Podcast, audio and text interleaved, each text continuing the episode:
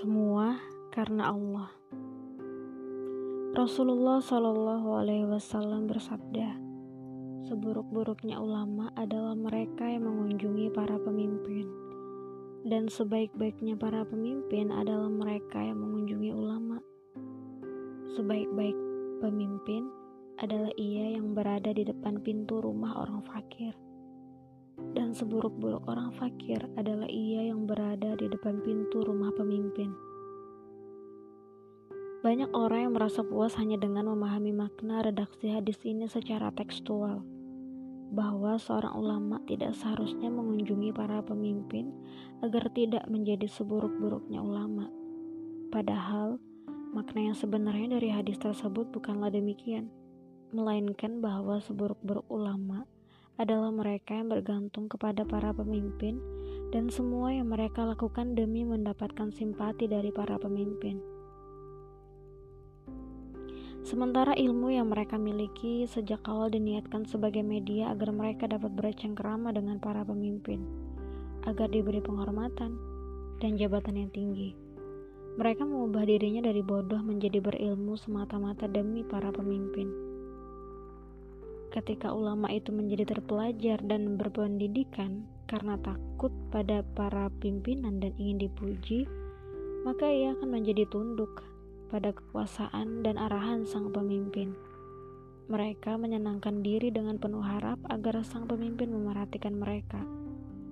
Jika kondisinya sudah demikian, tidak peduli apakah ulama itu yang datang mengunjungi pemimpin atau pemimpin itu yang mengunjungi ulama tetaplah sang ulama berposisi sebagai pengunjung dan pemimpinlah yang dikunjungi. Sementara ketika seorang ulama menuntut ilmu bukan demi seorang pemimpin, melainkan karena Allah semata sejak awal hingga akhir, maka tingkah laku dan kebiasaannya akan sesuai dengan jalan yang benar, karena memang itulah tabiatnya, dan mereka tidak akan mampu untuk melakukan hal yang sebaliknya seperti ikan yang tidak bisa hidup dan tumbuh berkembang kecuali di dalam air. Ulama semacam ini memiliki akal yang dapat mengontrol dan mencegah dirinya dari perbuatan buruk. Pada waktu yang bersamaan, semua orang yang semasa dengannya akan tercerahkan dan segan kepadanya, serta memperoleh bantuan-bantuan dari cahaya dan perumpamaan-perumpamaannya, baik mereka sadari atau tidak. Ketika ulama semacam ini datang mengunjungi pemimpin, maka sejatinya dialah yang dikunjungi dan pemimpin adalah pengunjungnya. Karena dalam segala kondisi, pemimpin itulah yang memperoleh pertolongan-pertolongan dan banyak manfaat darinya. Ulama ini tidak butuh kepada pemimpin itu.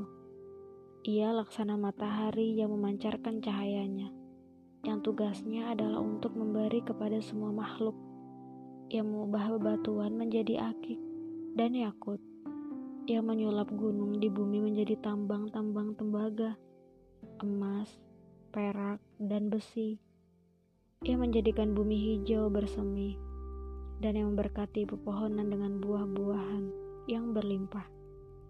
Pekerjaan ulama ini adalah memberi dan tidak menerima.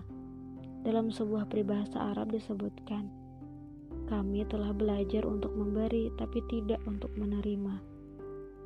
Dalam kondisi apa pun, ulama yang sungguhnya adalah yang dikunjungi, dan para pemimpin yang mengunjungi.